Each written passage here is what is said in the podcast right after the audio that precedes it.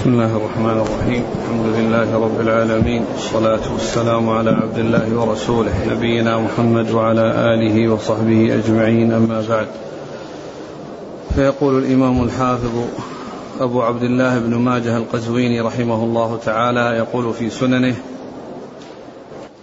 باب ما جاء في النهي عن المشي على القبور والجلوس عليها.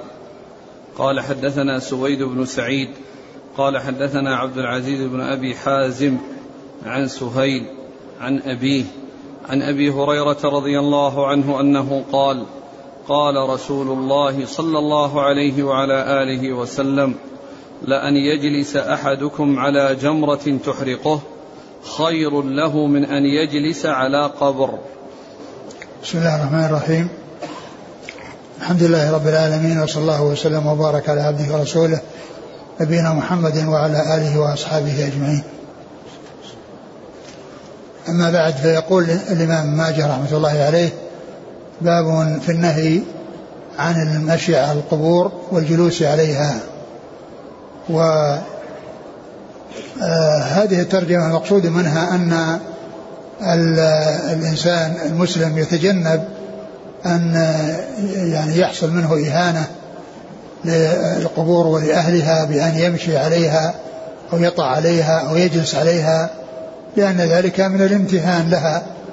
والإنسان يعني محترم حيا وميتا مسلم محترم حيا وميتا فلا يأتي بشيء فيه إهانة له في حياته وكذلك بعد وفاته لا يحصل منه شيء فيه إهانة له. والوطع على القبور والمشي عليها وكذلك الجلوس عليها أو الاستناد إليها كل ذلك من في من من الامتهان لها وذلك لا يسوغ ولا يجوز. وقد اورد وقد أورد ابن ماجه رحمه الله هذا الحديث عن أبي هريرة لأن يجلس أحدكم على جمرة فتحرق ثيابه خير له من أن يجلس على قبر. لأن يجلس على جمرة يعني نار يجلس عليها فتحرق ثيابه خير له من أن يجلس على جمر على قلع قبر. وهذا يدل على تحريم يعني هذا العمل وأنه يعني أمر خطير وأن ذلك غير سائغ وهذا التشبيه آه، يوضح مدى خطورة يعني هذا العمل المنكر. يعني كون الإنسان أهون جلوسه على جمرة حتى تحرق ثيابه أهون من أن يجلس على قبر هذا دل على خطورة هذا العمل وأنه من الأمور المنكرة الذي جاء النهي عنها والتغليظ فيها في هذا الحديث وفي غيره من الأحاديث. نعم. قال حدثنا سويد بن سعيد. هو صدوق. رجله مسلم وابن ماجه. نعم. عن عبد العزيز بن أبي حازم. وهو صدوق لاصحاب الكتب. نعم. عن سهيل. سهيل بن أبي صالح وهو صدوق أخرج له آه، أصحاب الكتب والبخاري يعني أخرج له مقرونا. نعم. نعم. عن ابيه عن أبي أبو صالح ذكوان السمان وهو ثقة أخرج أصحاب الكتب. عن أبي هريرة. أبو هريرة عبد الرحمن بن صخر الدوسي رضي الله عنه وهو أكثر الصحابة حديثا.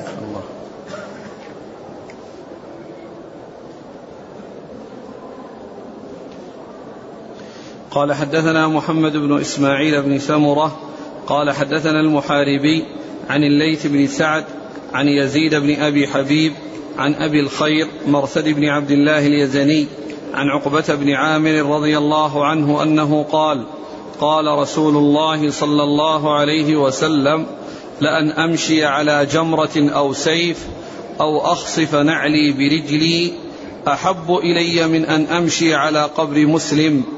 وما أبالي أوسط القبور قضيت حاجتي. أوسط أوسط. أوسط القبور قضيت حاجتي أم بالسوق؟ وما أبالي أوسط القبور قضيت حاجتي أو وسط السوق. ثم ذكر آه هذا الحديث عن عقبة بن عامر رضي الله عنه أنه أن النبي صلى الله عليه وسلم قال ما؟ لأن أمشي على جمرة أو سيف. لأن أمشي على جمرة. يعني ذاك الحديث فيه الجلوس. وهنا قال لأن أمشي على جمرة يعني كونه يطع على جمر. أو على سيف يعني على حد السيف. يعني بأن يكون السيف يعني حده إلى فوق وهو يمشي على حده. فالجمرة تحرقه وهذا يقطعه. هذا يحرق رجله.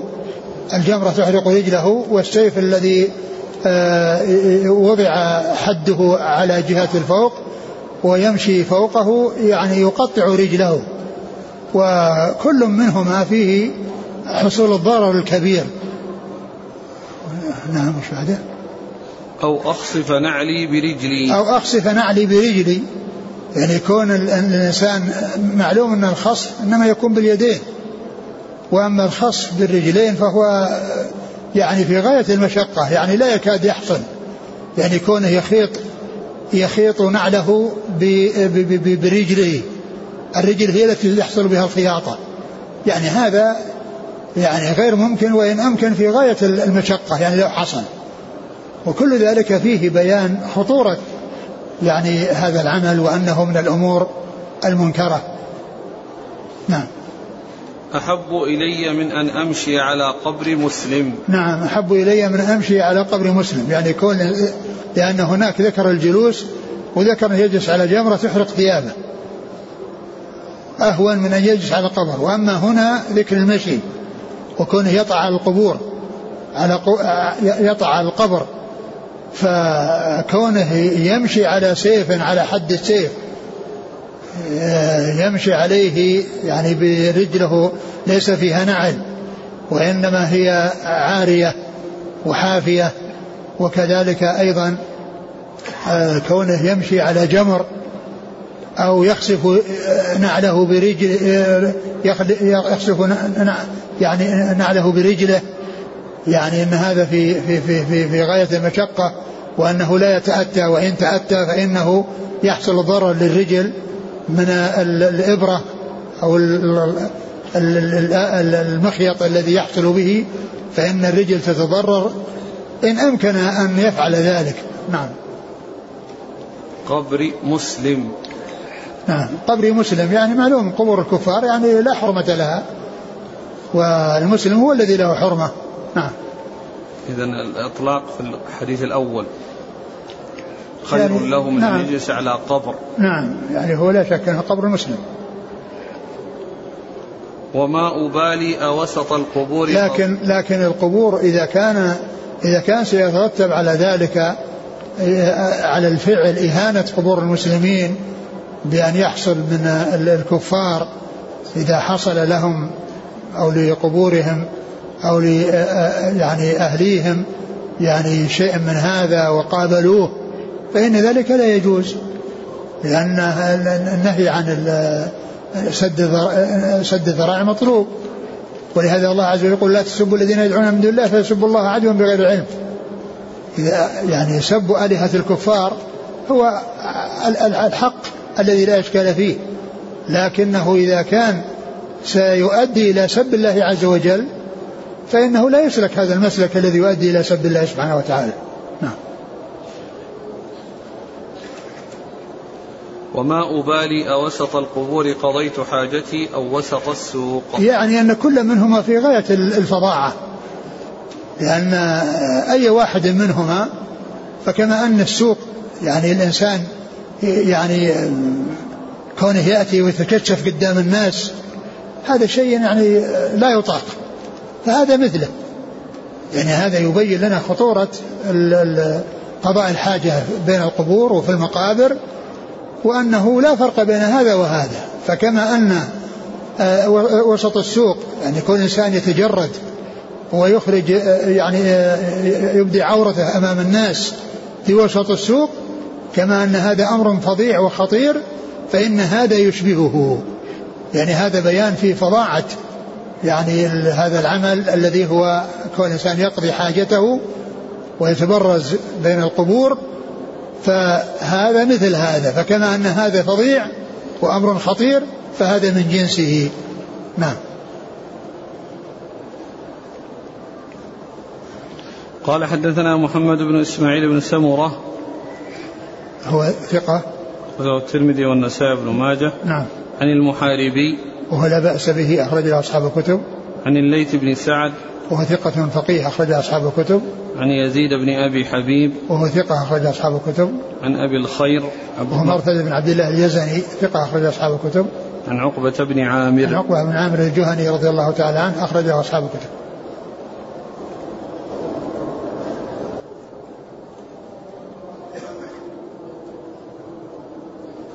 قال رحمه الله تعالى باب ما جاء في خلع النعلين في المقابر.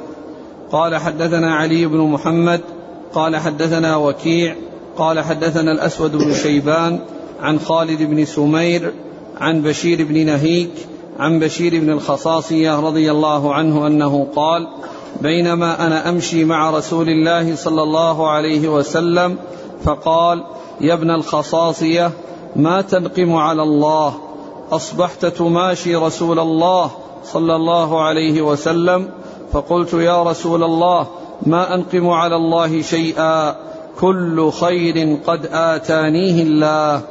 فمر على مقابر المسلمين فقال أدرك هؤلاء خيرا كثيرا. ثم مر على مقابر المشركين فقال سبق هؤلاء خيرا كثيرا. قال فالتفت فرأى رجلا يمشي بين المقابر في نعليه فقال يا صاحب السبتيتين ألقهما. ثم ذكر هذا الحديث عن بشير بن الخصاصية رضي الله عنه أنه كان مع النبي صلى الله عليه وسلم يماشيه يمشي معه فقال ما تنقم على الله وأنت تماشي رسول الله صلى الله عليه وسلم؟ يعني أي شيء تنقم على الله أي شيء تعتب على الله آه، أو آه، وأنت تماشي رسول الله صلى الله عليه وسلم؟ قال شيء أي شيء أنقم عليه وكل خير حصل لي إنما هو منه. كما قال الله عز وجل وما بكم, وما بكم من نعمة فمن الله. وإن تعدوا نعمة الله لا تحصوها. فالنعم الظاهرة والباطنة كلها من الله سبحانه وتعالى. فقال أي شيء أنقمه وقد حصل لي منه كل خير وكل نعمة وكل فضل وكل آه، إحسان وعافية؟ كل ذلك من الله عز وجل. بعده؟ فمر على مقابر المسلمين. فمر على مقابر المسلمين فقال أدرك أدرك هؤلاء خيرا كثيرا. يعني أنهم أدركوا الإسلام وصاروا مسلمين فأدركوا الخير الكثير. ثم مر على مقابر المشركين فقال سبق هؤلاء خيرا سبق هؤلاء خيرا كثيرا. يعني أنهم جاءوا قبل هذا الخير ومضوا قبل أن يأتي هذا الخير.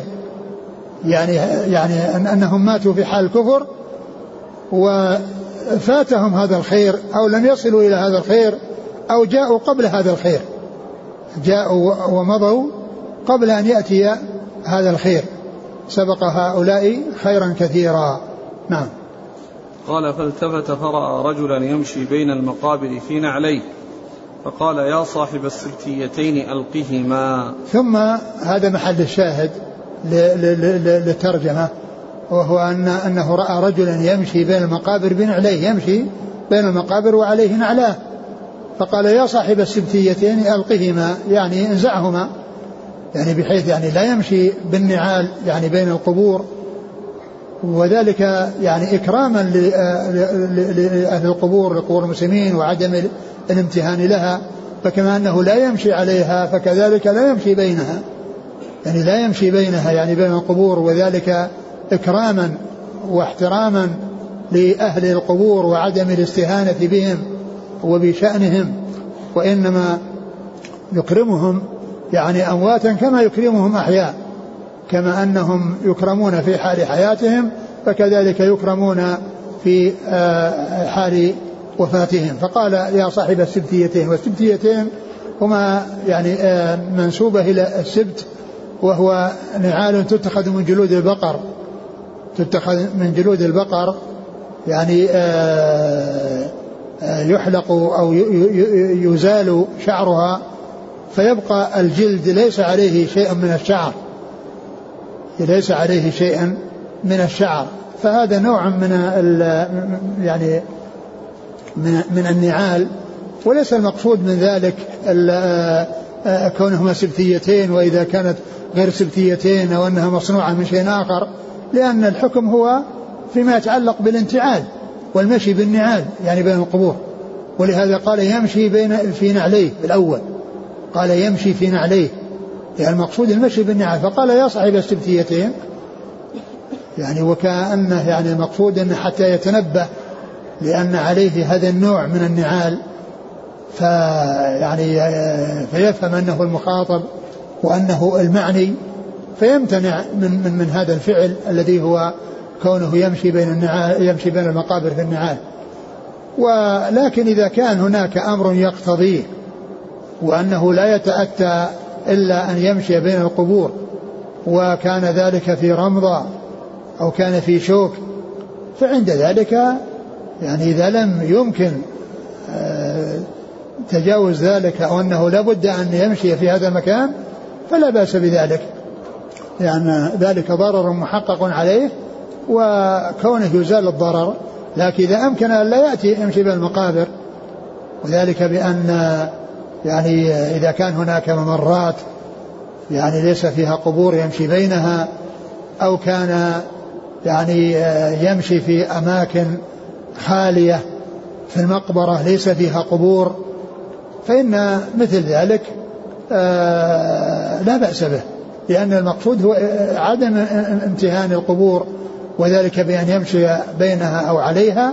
أما إذا كان مشى في المقبرة والمقبرة جزء منها ليس فيه قبور وهو يمشي في هذا الجزء وكذلك أو كان هناك ممرات يعني مهيئة للطرق للمشاة يمشون عليها. فإن ذلك لا بأس به لأن المحذور هو يعني إكرام أهل القبور وعدم الاستهانة بهم وبأن يمشي عليهم أو يمشي يعني بين قبورهم بن عليه وإنما يمشي بدونهما إلا إذا كان يترتب على ذلك مضرة كما ذكرت فإن ولم يكن بد من سلوك هذا المسلك الذي هو المشي بين القبور فإنه له أن يمشي من أجل إزالة الضرر عن نفسه بأن تكون الشمس حارة لا يستطيع أن يمشي بدون نعال أو يكون هناك شوك يعني يؤذيه فلا يستطيع أن يمشي.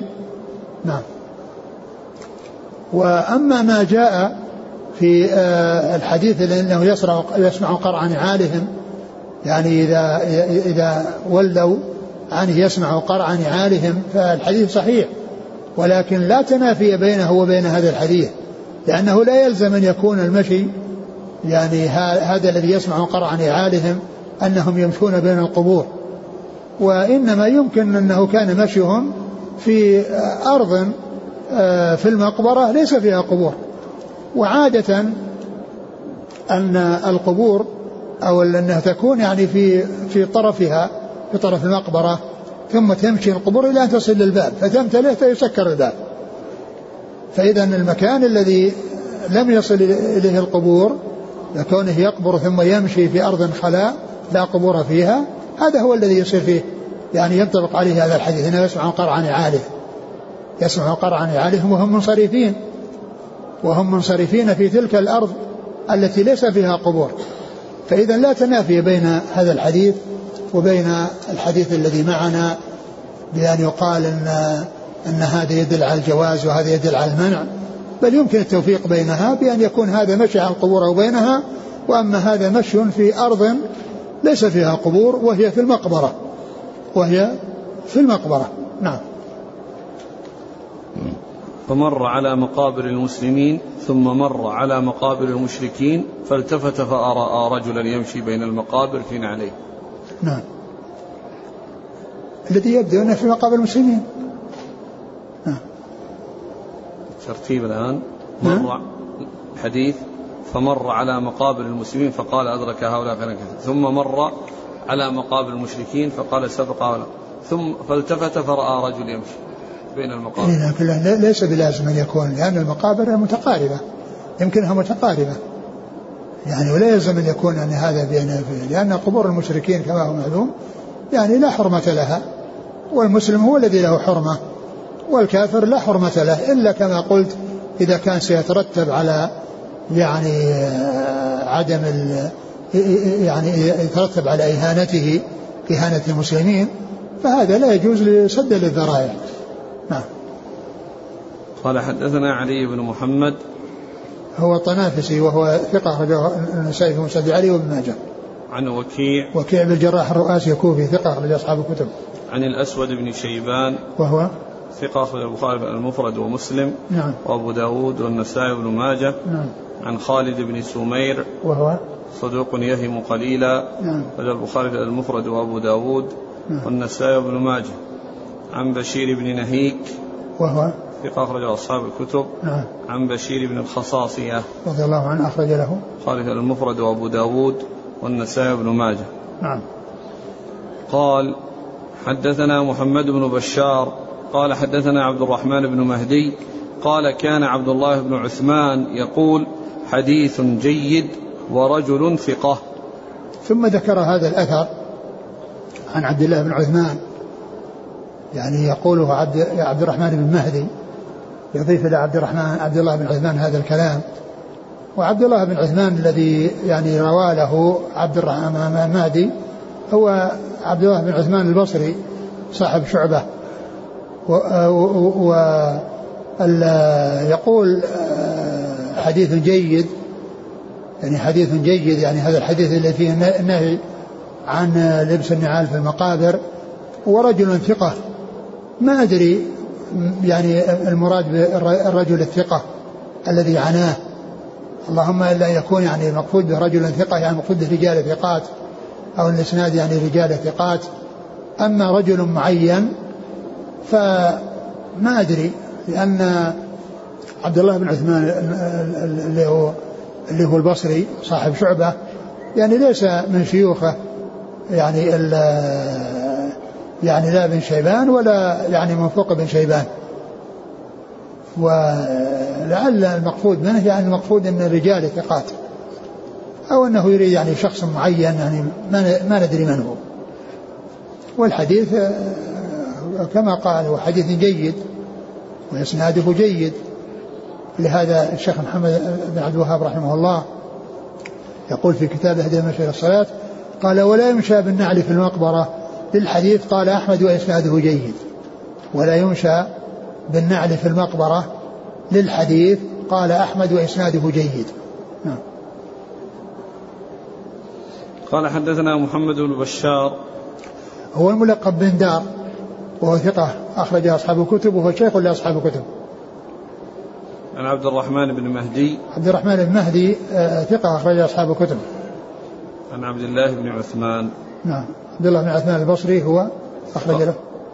ثقة أخرج له الترمذي والنسائي بن ماجه. نعم.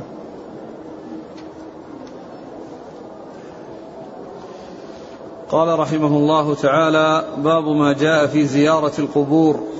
قال حدثنا أبو بكر بن أبي شيبة قال حدثنا محمد بن عبيد عن يزيد بن كيسان عن أبي حازم عن أبي هريرة رضي الله عنه أنه قال قال رسول الله صلى الله عليه وسلم زوروا القبور فإنها تذكركم الآخرة. ثم ذكر زيارة القبور وزيارة القبور سنة سنها رسول الله صلى الله عليه وسلم. والزيارة المسنونة المشروعة هي الزيارة الشرعية المشتملة على فائدة الأحياء وفائدة الأموات. الأموات يستفيدون والأحياء يستفيدون. الأموات يستفيدون أنه يدعى لهم. والميت بحاجة إلى الدعاء من الأحياء وينفعه دعاء الأحياء. والزائر يستفيد عدة فوائد. منها أنه يتذكر الآخرة كما جاء في الحديث. يتذكر الآخرة لأنه يذكر الموت. والإنسان إذا تذكر الموت يكون ذلك دافعا له إلى أن يستعد له بالأعمال الصالحة التي يجدها الإنسان بعد الموت ويجدها أمامه إذا مات. فتذكر الآخرة هذا من من من من الفوائد التي يستفيدها الأحياء. عند زيارة القبور. وقد جاء يعني في في في, في الصحيح صحيح البخاري أن النبي عليه الصلاة والسلام جاءه رجل وقال يا رسول الله متى الساعة؟ والرسول عليه الصلاة والسلام كان إذا سئل عن الساعة أولا الرسول لا يعلم متى تقوم الساعة لأن علم الساعة من خصائص الله اختص الله بعلمه. فلم يعلمه الرسول صلى الله عليه وسلم ولم يعلمه جبريل كما جاء في حديث جبريل مشهور ما المسؤول عنها بأعلم من السائل يعني أنا وأنت علمنا فيها سواء والساعة لا يعلم متى تقوم إلا الله سبحانه وتعالى. فكان إذا سئل عن الساعة إما أن يجيب بشيء من علاماتها أو يصرف نظر السائل إلى ما هو أهم من سؤاله. فجاء ذلك الرجل وقال يا رسول الله متى الساعة؟ الرسول عليه الصلاة والسلام قلب عليه السؤال فقال وماذا أعددت لها؟ وماذا أعددت لها؟ يعني ما الذي أعددته لنفسك إذا قامت الساعة؟ لأن هذا هو المهم. ليس المهم أن يعرف الإنسان متى تقوم الساعة لأن الساعة آتية وكل آت قريب. ولكن المهم أن يعرف الإنسان ماذا قدم لنفسه إذا قامت الساعة. وذلك بالأعمال الصالحة التي يأتي بها الإنسان وهو في دار العمل لأن الدنيا دار العمل والآخرة دار الجزاء. وأول مراحل الآخرة ومنازل الآخرة القبر لأن الحد الفاصل بين الدنيا والآخرة الموت. فمن مات خرج من دار العمل وانتقل إلى دار الجزاء. وإن كان الذي بعد ذلك مرحلتان حياة برزخية أو حياة بعد البعث والنشور إلا أن كل ذلك فيه الجزاء. كل ذلك فيه الجزاء والعقاب. الجزاء على الأعمال يعني خيرا والعقاب على الأعمال السيئة يعني فيما يستحق. ولهذا جاء في حديث البراء بن عازب في الميت إذا أدخل قبره وسئل وأجاب إما جواب حسن وإما جواب سيء قال يفتح له باب إلى الجنة فيأتيه من روحها ونعيمها وهو في قبره. وإذا كان بخلاف ذلك يفتح له باب إلى النار فيأتيه من حرها وسمومها فهو يعني يتنعم بنعيم الجنة وهو في قبره ويعذب بعذاب النار وهو في قبره.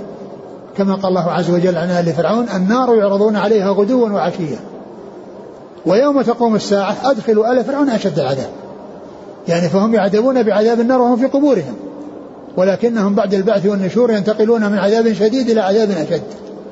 ينتقلون من عذاب شديد إلى عذاب أشد. فإذا هذه الفائدة التي أرشد إليها الرسول صلى الله عليه وسلم في هذا الحديث قال فإنها تذكر الآخرة. زور القبور فإنها تذكر الآخرة.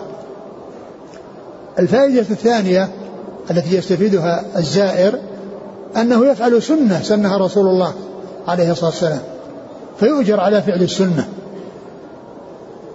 والثالثة أنه يدعو لإخوانه المسلمين ويحسن إليهم بدعائه فيؤجر على إحسانه. والله تعالى يقول هل جزاء الإحسان إلا الإحسان. فإذا هذه فوائد يستفيدها من زار الزيارة الشرعية. ثلاث فوائد يستفيدها من زار الزيارة الشرعية. أولا يتذكر الموت فيستعد بالأعمال الصالحة ويفعل سنة سنها رسول الله عليه الصلاة والسلام فيؤجر عليها ويحسن إلى إخوانه المسلمين الذين هم الأموات بأن يدعو لهم والله تعالى يثيبه على إحسانه إليهم. أما إذا زار الزيارة البدعية التي يتعلق فيها بأصحاب القبور ويعلق آماله بهم ويسألهم قضاء الحاجات وكشف الكروبات أو يأتي بأمور منكرة مبتدعة فإن هذا لا يستفيد الأموات منه شيئا لأنه ما دعا لهم دعاهم. فهم يعني ما استفادوا من هذه الزيارة. وأيضا هو تضرر. يعني فالزيارة الشرعية فيها, فيها, فيها فائدة للأحياء والأموات والزيارة البدعية فيها مضرة على الأحياء وعدم فائدة للأموات. مضرة للأحياء وعدم فائدة للأموات.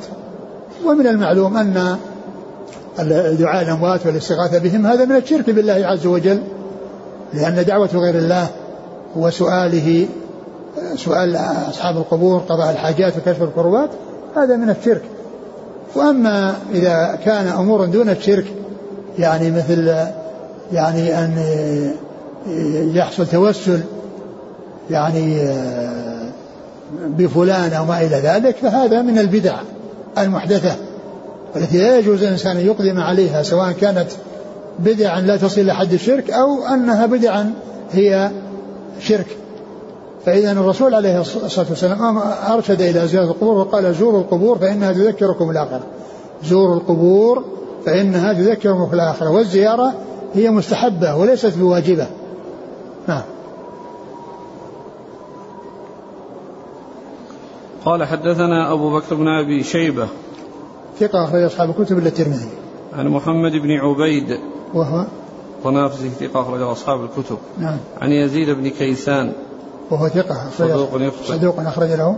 البخاري المفرد ومسلم وأصحاب السنن نعم. نعم. عن أبي حازم. سلمة بن دينار. سلمان. سلمان الأغر الأشجعي. سلمان وهو؟ ثقة أخرج أصحاب الكتب. نعم. عن أبي هريرة. نعم. قال حدثنا إبراهيم بن سعيد الجوهري قال حدثنا روح قال حدثنا بسطام بن مسلم قال سمعت أبا التياح قال سمعت ابن أبي مليكة عن عائشة رضي الله عنها أن رسول الله صلى الله عليه وسلم رخص في زيارة القبور. ثم ذكر هذا الحديث عن عائشة أن النبي صلى الله عليه وسلم رخص في زيارة القبور لأن الترخيص يعني كان فيه نهي. كان فيه نهي ولهذا قالت رخص لأنها يعني منع ثم رخص. فدل هذا على أن أنه حصل في أول الأمر المنع من زيارة القبور ثم بعد ذلك حصل الترخيص. ولهذا جاء في الحديث كنت نهيتكم عن زيارة القبور فزوروها. كنت نهيتكم عن زيارة القبور فزوروها. إذا قوله فزوروها بعد قوله كنت نهيتكم ترخيص. لأنه أولا نهى ثم رخص. يعني وأذن وأجاز وأباح وسن فيكون يعني هذا الفعل هو سنة. يعني ليس بواجب ولكنه كان منع منه في الأول فأذن فيه في الآخر. نعم. قال حدثنا إبراهيم بن سعيد الجوهري هو؟ ثقة له مسلم وأصحاب السنن نعم. عن روح ابن عبادة ثقة أخرج أصحاب الكتب. عن بسطام بن مسلم. وهو ثقة أخرج البخاري في المفرد وأبو داود في المسائل والنسائي وابن ماجه. نعم. عن أبي التياح. وهو يزيد بن حميد ثقة أخرج أصحاب الكتب. نعم. عن ابن أبي مليكة. وهو ثقة أخرج أصحاب الكتب. عن عائشة. عائشة أم المؤمنين رضي الله عنها وأرضاها الصديقة بنت الصديق. وهي ممن أكثر الرواية عن رسول الله صلى الله عليه وسلم.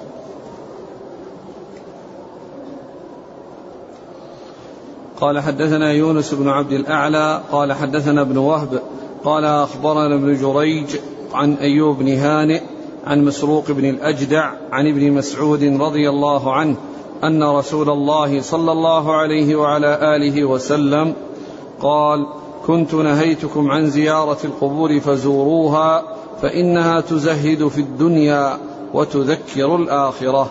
ثم ذكر هذا الحديث عن مسعود كنت نهيتكم عن زيارة القبور فزوروها فإنها تزهد في الدنيا وتذكر الآخرة. وهذا فيه آه، آه، الجمع بين الناسخ والمنسوخ. يعني المنسوخ النهي والناسخ الإباحة والترخيص. ففيه الجمع بين الناسخ والمنسوخ. والحديث في إسناده ضعف ولكن المتن صحيح. وفيه ذكر التزهيد يعني في هذا الحديث وإنما جاء من هذا الطريق التي فيها ضعف ولكنه يعني آه، من ناحية المعنى يعني ليس ببعيد يعني آه، حصوله لأن الإنسان إذا تذكر الموت يعني هانت عليه الدنيا. لأن الآن الذي الذي يراقب في الدنيا هو الغفلة عن الموت. الذي يراقب في الدنيا ويجعل الإنسان يعني يقبل عليها ويحرص عليها غفلة عن الموت. فإذا من, من, من, من لازم يعني تذكر الآخرة وحصول الموت وتذكر الموت والآخرة أن يحفظ التزهيد لكنه ما جاء يعني في الروايات الأخرى ذكر التزهيد وإنما جاء من هذه الطريقة التي فيها ضعف. جاء من طريق وأما الباقي فهو قد جاء في أحاديث أخرى يعني في صحيح مسلم وفي غيره. الجمع بين الناسخ والمنسوخ جاء عن النبي عليه الصلاة والسلام في صحيح مسلم في في ثلاثة أمور. في حديث واحد. وقوله كنت نهيتكم عن زيارة القبور فزوروها يعني تذكركم الآخرة. وها كنت نهيتكم عن ادخار لحوم الأضاحي فوق ثلاث؟ ألا فادخروا. وكنت نهيتكم عن الانتباذ في أوعية. فانتبذوا في كل وعاء ولا تشربوا مسكرا. فانتبذوا في كل وعاء ولا تشربوا مسكرا. هذه حديث جمع بين ثلاثة أمور فيها الجمع بين الناسخ والمنسوخ. فيها الجمع بين الناسخ والمنسوخ. المنسوخ في الأول والناسخ في الآخر. كنت نهيتكم عن زيارة القبور فزوروها. ناسخ ومنسوخ. منسوخ وناسخ.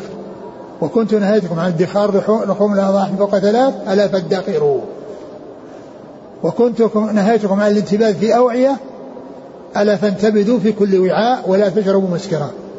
والأوعية التي جاءت في الحديث الحنتم والدبة وكذا من التي جاءت في بعض الأحاديث الصحيحة وكان ذلك في أول الأمر لأن تلك الأوعية التي نهى عن الرسول صلى الله عليه وسلم فيها عنها لأنها كانت سميكة وأنه قد يحصل التغير في الداخل فلا يظهر على على الخارج.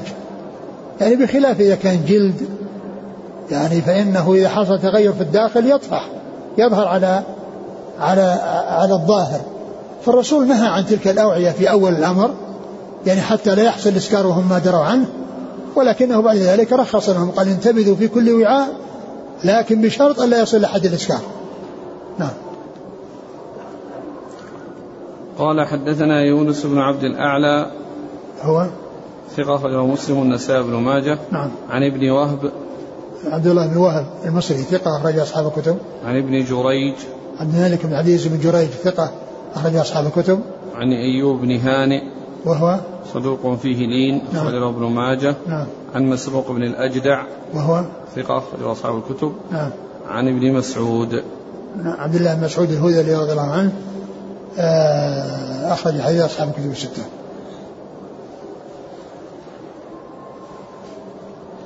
قال رحمه الله تعالى باب ما جاء في زيارة قبور المشركين.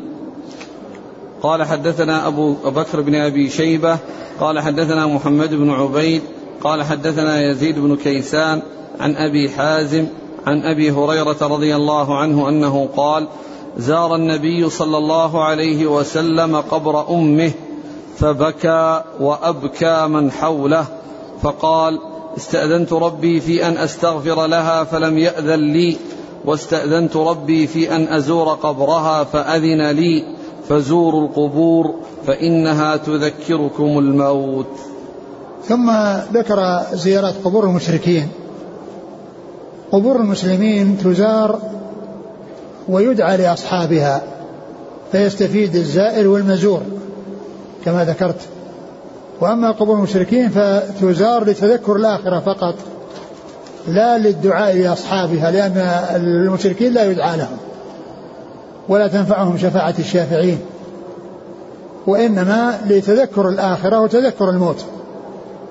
فدل هذا على أن الزيارة تكون للكفار كما تكون في الحياة يعني بأن يزور يعني بعض أقربائه و يعني من الكفار فكذلك بعد الموت يزور ولكنه لا يدعو لهم.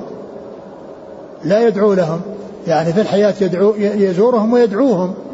يدعوهم إلى الإسلام ويحرص على هدايتهم وعلى أن يسلموا من هذا الذنب الذي لا يغفر وهو الشرك بالله سبحانه وتعالى. و وبالنسبة للقبور يزورهم ليتذكر هو الآخرة يعني يتذكر الزائر الآخرة ولا يدعو ولا يدعو الأموات وقد ذكر هذا الحديث أن النبي صلى الله عليه وسلم زار قبر أمه فبكى وأبكى. وقال إني استأذنت ربي أن أن أدعو لها فلم يأذن فلم يأذن لي واستأذنته أن أزورها فأذن لي فزوروا القبور فإنها تذكركم الآخرة. لأن قول زوروا القبور هذا يشمل قبور المسلمين وقبور الكفار؟ إلا أن قبور المسلمين يدعى لأصحابها ويتذكر الزائر الآخرة وأما قبور المشركين فلا يدعى لأصحابها ويتذكر الزائر الآخرة. يعني معناه أن الزائر يستفيد في حال زيارته للمسلمين لقبور المسلمين ولقبور الكفار. والمسلمون المزورون يستفيدون من زيارة المسلم لهم ودعائه لهم. والمشركون لا يستفيدون وإنما الفائدة هي للزائر فقط. نعم. زار النبي صلى الله عليه وسلم قبر أمه فبكى وأبكى من حوله فقال استأذنت ربي في أن أستغفر لها فلم يأذن لي. واستأذنت ربي في أن أزور قبرها فأذن لي. فزوروا. فزوروا القبور فإنها تذكركم الموت. نعم. هل يؤخذ من هذا سنية واستحباب زيارة قبر أمه صلى الله عليه وسلم؟ يشدون الرحل ويذهبون إلى الأبواء لزيارتها. لا هو آه، كون كون الإنسان يعني يشد الرحل ليس له ولكنه إذا كان في طريق أو كان يعني موجودا في نفس البلد يعني وأما شد الرحال لزيارة القبور ما ما جاء شيء يدل عليه وإنما جاء آه، آه، الزيارة أو شد الرحال إنما هو للمساجد الثلاثة لا تشد الرحال إلا إلى ثلاث مساجد. المسجد الحرام المسجد هذا والمسجد الأقصى.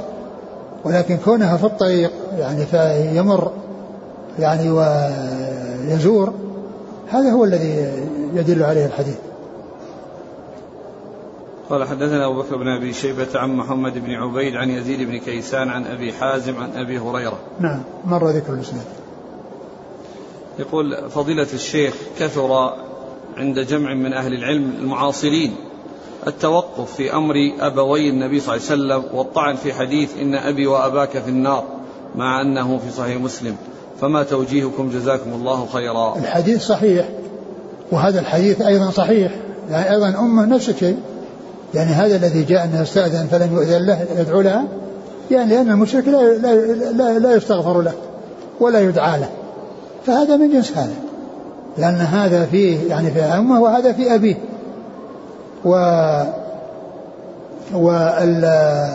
والنووي ذكر أن يعني أن أن أن السبب أن أمثال هؤلاء يطلق عليهم كفار أن دين إبراهيم كان موجودا ولهذا عليه بعض الناس بعض بعض الأفراد وبعض الرجال والحديث الذي فيه إن الله اطلع على فمقتهم عربهم وعجمهم إلا بقايا من أهل الكتاب. إلا بقايا من أهل الكتاب يعني الذين كانوا على الدين الحق قبل أن يبعث الرسول عليه الصلاة والسلام. ف فقال ان ان ان ان ان ان, أن, أن دين إبراهيم يعني كان موجود. يعني دين إبراهيم كان موجود ولهذا يعني بقي عليه من بقي وتركه من ترك وصار إلى الشرك. نعم. والذين قالوا يعني أتوا بشيء لم يثبت قالوا أن أن الله احيا أبويه احيا أبويه وأنهم اسلم وأنهما أسلما. وهذا يعني أمر لو حصل أو لو وقع لأن أمر ليس بالأمر الهين لأنه من خوارق العادات. ومع ذلك ما ثبت فيه شيء ما لم يثبت في ذلك شيء. قوله تعالى ولا تقم على قبره بعد قوله ولا تصلي. يعني كان المقصود به يعني إنه يعني لا, لا يعني لا يشيعه أو يعني هذا المقصود. وأما كونه يعني يزوره هذا حديث يدل على الزيارة.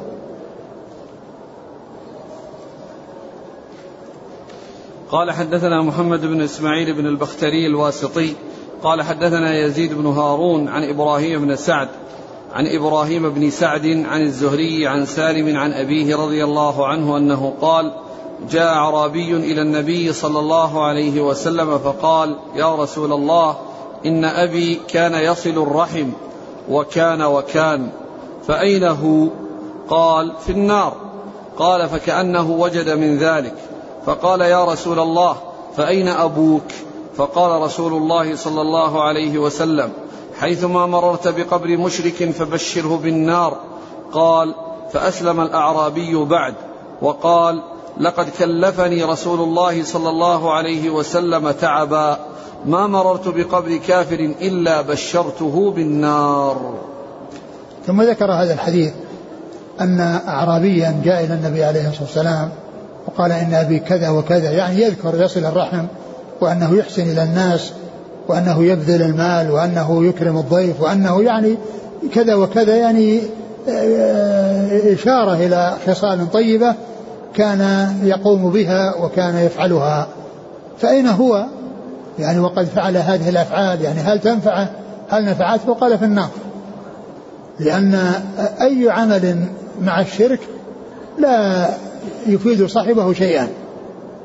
وقدمنا إلى ما عملوا من عمل فجعلناه هباء منثورا. لأن آه، قبول العمل إنما يكون بالإخلاص لله عز وجل. أما كونه مع الشرك فإن ذلك لا ينفعه لا ينفعه عند الله عز وجل بل يذهب هباء منثورا لا يستفيد منه شيئا وليس أمامه إلا العذاب إلا دخول النار والخلود فيها. هذا هو شأن الكفار وهذه حال الكفار. فذكر شيئا من صفات أبيه أجملها قال صلة الرحم وكذا وكذا. ثم الرسول قال قال هو في النار. فكان الأعرابي وجد في نفسه يعني من هذا الجواب يعني في حال أبيه قال أين أبوك؟ يخاطب النبي صلى الله عليه وسلم.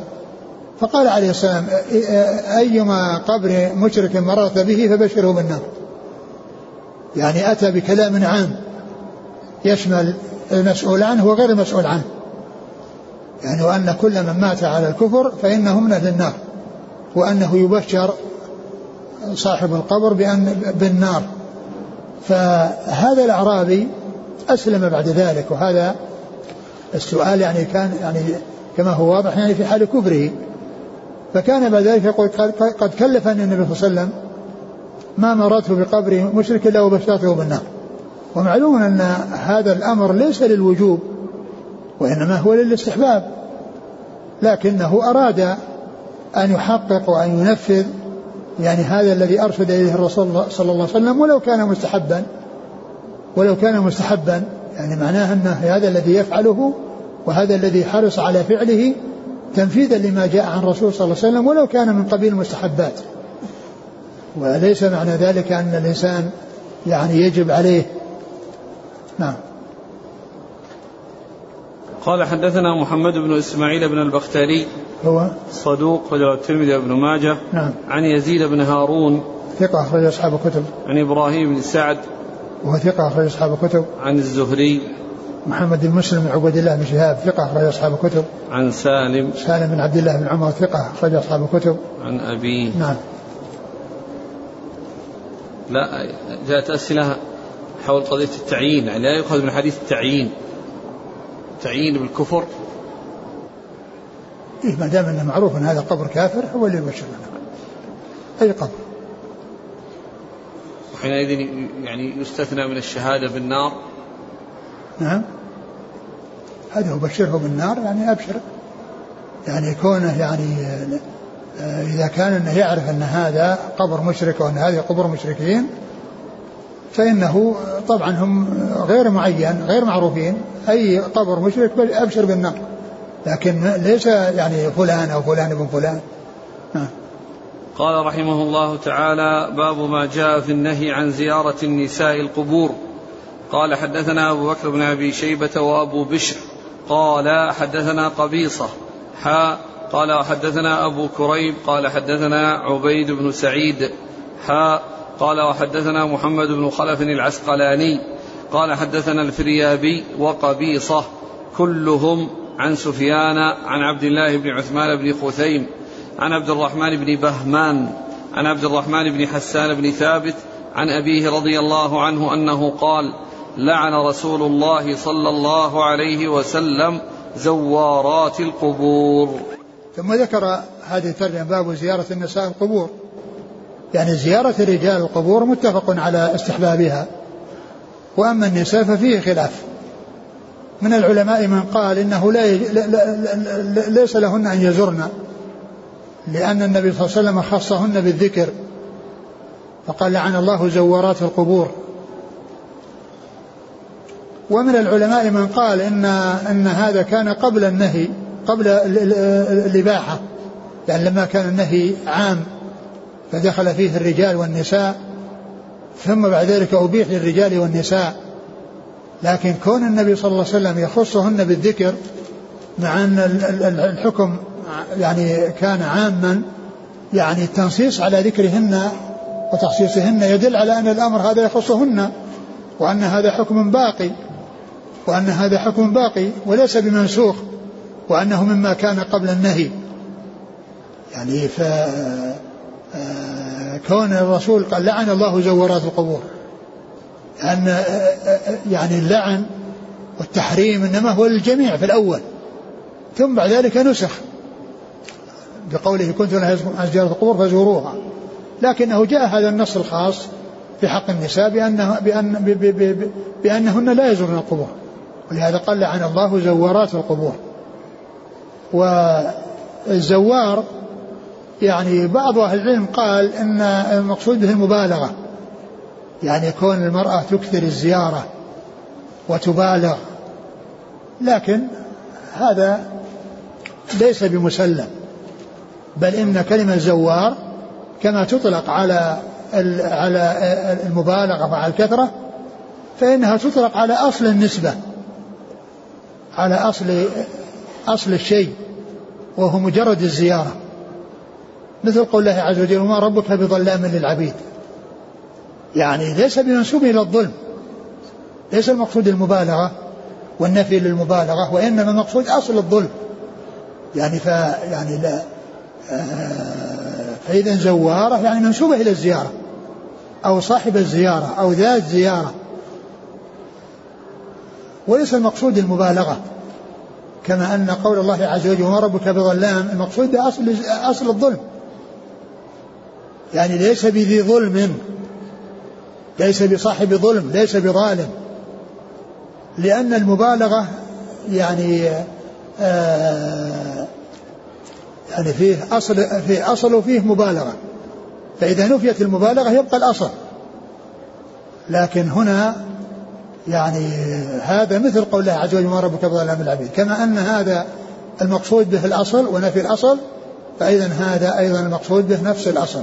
نفي الأصل ثم أيضا النساء يعني شأنهن يختلف عن الرجال.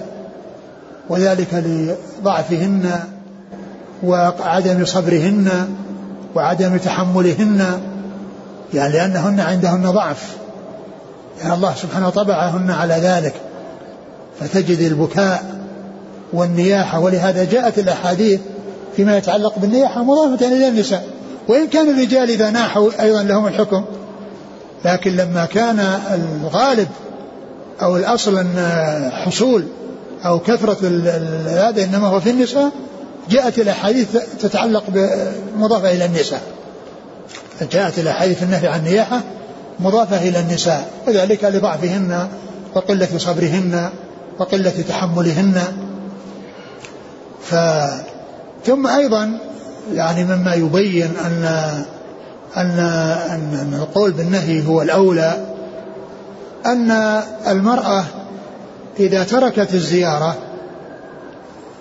الذي حصل أنها تركت أمرا مستحبا تركت أمرا مستحبا لكنها إذا وقعت في الزيارة أو حصل من الزيارة تعرضت للعنة تعرضت للعنة وكونها يعني تترك ولا تفعل لأنه يفوتها أمر مستحب يعني لو فعلت و, و... وإذا, وإذا حصل منها الزيارة يعني تعرضت للعنة لا شك أن تركها أمرا مستحبا يعني أولى من كونها تتعرض للعنة فيما لو زارت. فإذا كلمة زوارات يعني جاءت بهذه الصيغة وهي كما تأتي للمبالغة تأتي للنسبة وأصل النسبة. أي ليس أي أنها ذات زيارة. نعم.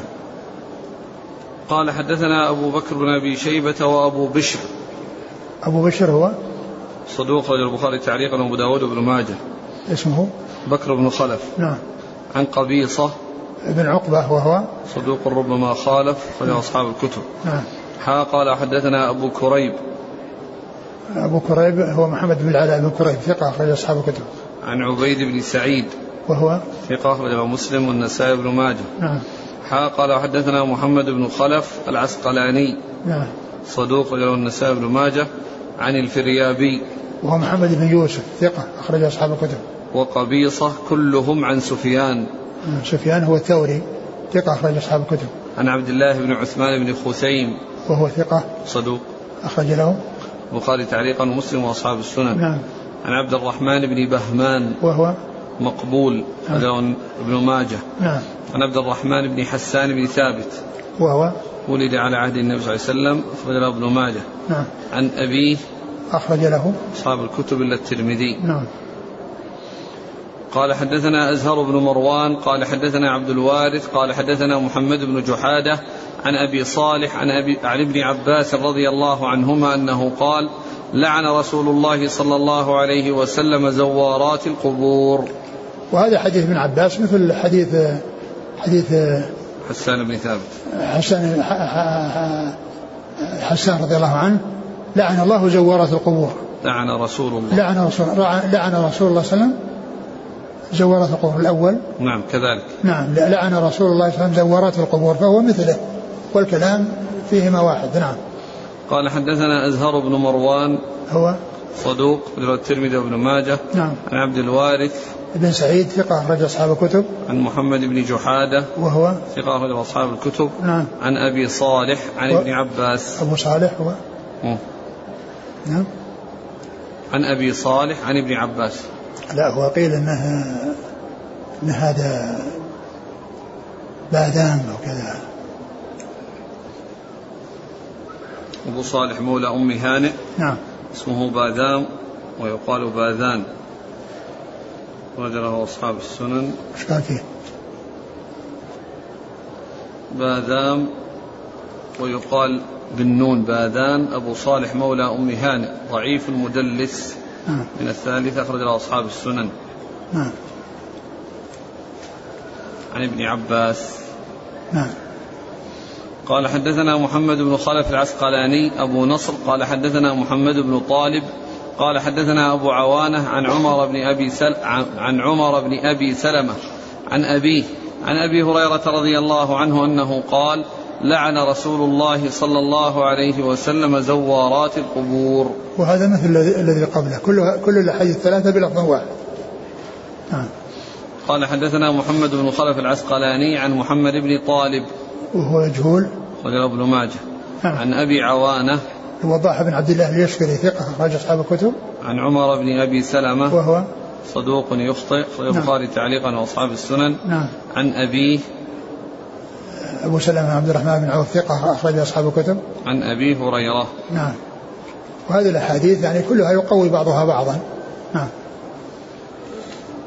هل يستثنى من ذلك قبر النبي صلى الله عليه وسلم؟ ما في شيء يدل عليه.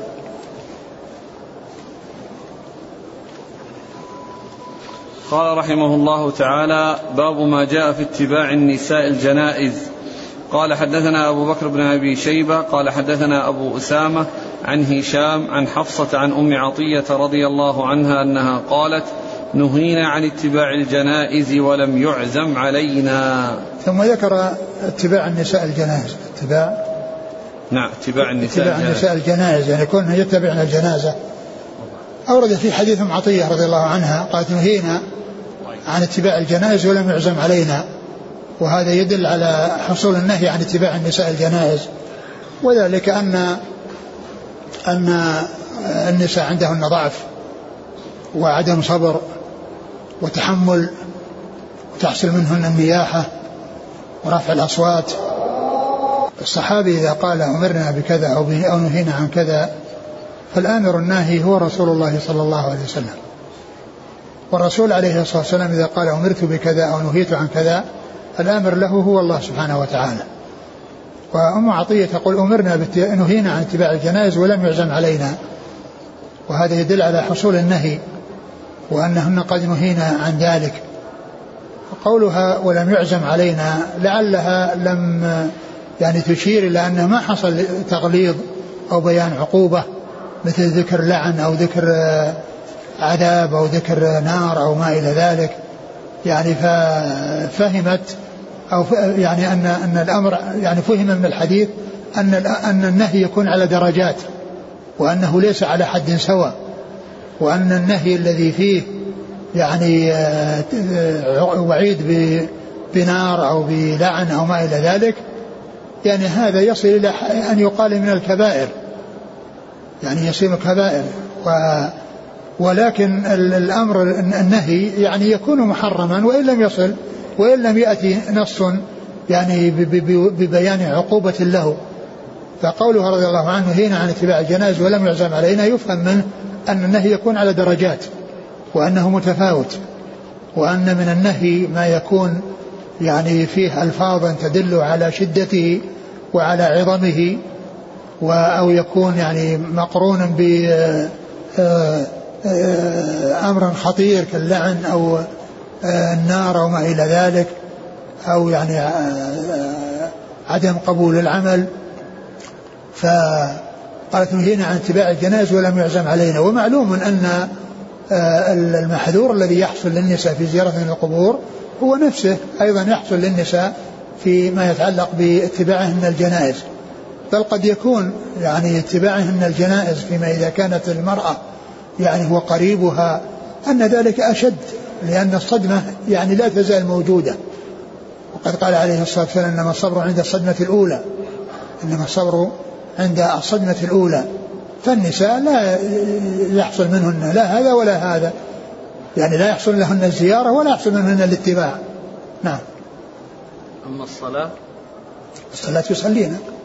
الصلاة يصلينا وقد يعني جاء عن عائشة رضي الله عنها وأمهات المؤمنين أنهم طلبنا أن يمر بعثمان بن بسعد بن وقاص عند حجرهن ويصلين عليه. نعم. قال حدثنا أبو بكر بن أبي شيبة عن أبي أسامة. حماد بن أسامة هو ثقة أخرج أصحاب الكتب. عن هشام. هشام الدستوائي ثقة أخرج أصحاب الكتب. هشام الحسان ثقة أخرج أصحاب الكتب. عن حفصة بن سيرين ثقة أخرج أصحاب الكتب. عن أم عطية. رضي الله عنها أخرج أصحاب الكتب. قال حدثنا محمد بن المصفى قال حدثنا أحمد بن خالد قال حدثنا إسرائيل عن إسماعيل بن سلمان عن دينار أبي عمر عن ابن الحنفية عن علي رضي الله عنه أنه قال خرج رسول الله صلى الله عليه وسلم فإذا نسوة جلوس فقال ما يجلسكن؟ قلنا ننتظر الجنازة. قال هل هل تغسلن قلنا لا. قال هل تحملن تغسلن تغسلن تغسيل الجنازة. هل تغسلن نعم. هل تغسلن قلنا لا. قال هل تحملن قلنا لا. قال هل تدلين في من يدلي؟ قلنا لا. قال فارجعن مأزورات غير مأجورات.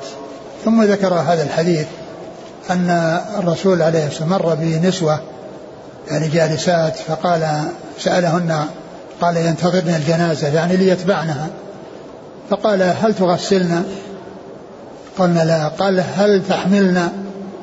قلنا لا. قال هل تدلين في من يدلي؟ يعني تدلين الميت في قبره بأن تنزل في القبر وتنزل الميت الذي هو فعل الرجال. قلنا لا. قال ارجعنا مأجورات غير مأجورات. ارجعنا مأجورات غير مأجورات والحديث فيه, فيه ضعف والحديث ضعيف. نعم. قال حدثنا محمد بن المصفى. هو صدوق له أوهام أبو داود والنسائي بن ماجه. نعم. عن أحمد بن خالد وهو صدوق رجل البخاري القراءة وأصحاب السنن. نعم. عن إسرائيل. وهو ثقة على أصحاب الكتب. عن إسماعيل بن سلمان وهو ضعيف رجل البخاري المفرد وابن ماجه. نعم. عن دينار أبي عمر وهو صالح الحديث رجل البخاري المفرد وابن ماجه. عن ابن الحنفية. هو محمد بن علي وهو ثقة أخرج أصحاب الكتب. عن علي. علي بن أبي طالب رضي الله عنه أمير المؤمنين ورابع الخلفاء الراشدين الهاديين المهديين صاحب المناقب الجمة والفضائل الكثيرة رضي الله عنه وأرضاه وحديثه عند أصحاب الكتب الستة. والله تعالى أعلم وصلى الله وسلم وبارك على عبده ورسوله نبينا محمد وعلى آله وأصحابه أجمعين. جزاكم الله خيرا وبارك الله فيكم. ألهمكم الله الصواب ووفقكم للحق. نفعنا الله ما سمعنا وغفر الله لنا ولكم وللمسلمين أجمعين. سبحانك اللهم وبحمدك أشهد أن لا إله إلا أنت أستغفرك وأتوب إليك.